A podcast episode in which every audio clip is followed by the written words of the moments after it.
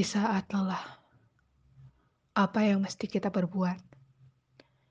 Mengeluh yang tidak ada arti, bercerita untuk kemudian ditanggapi, atau diam untuk menguatkan.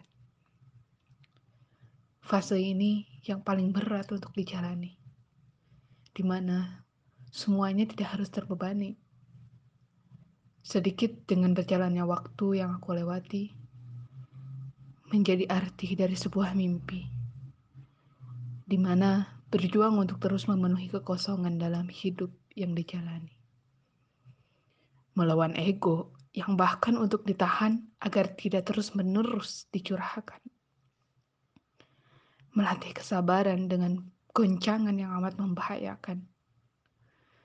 Meyakinkan arti kehidupan yang sesungguhnya akan berterima kasih pada diri yang amat memperjuangkan.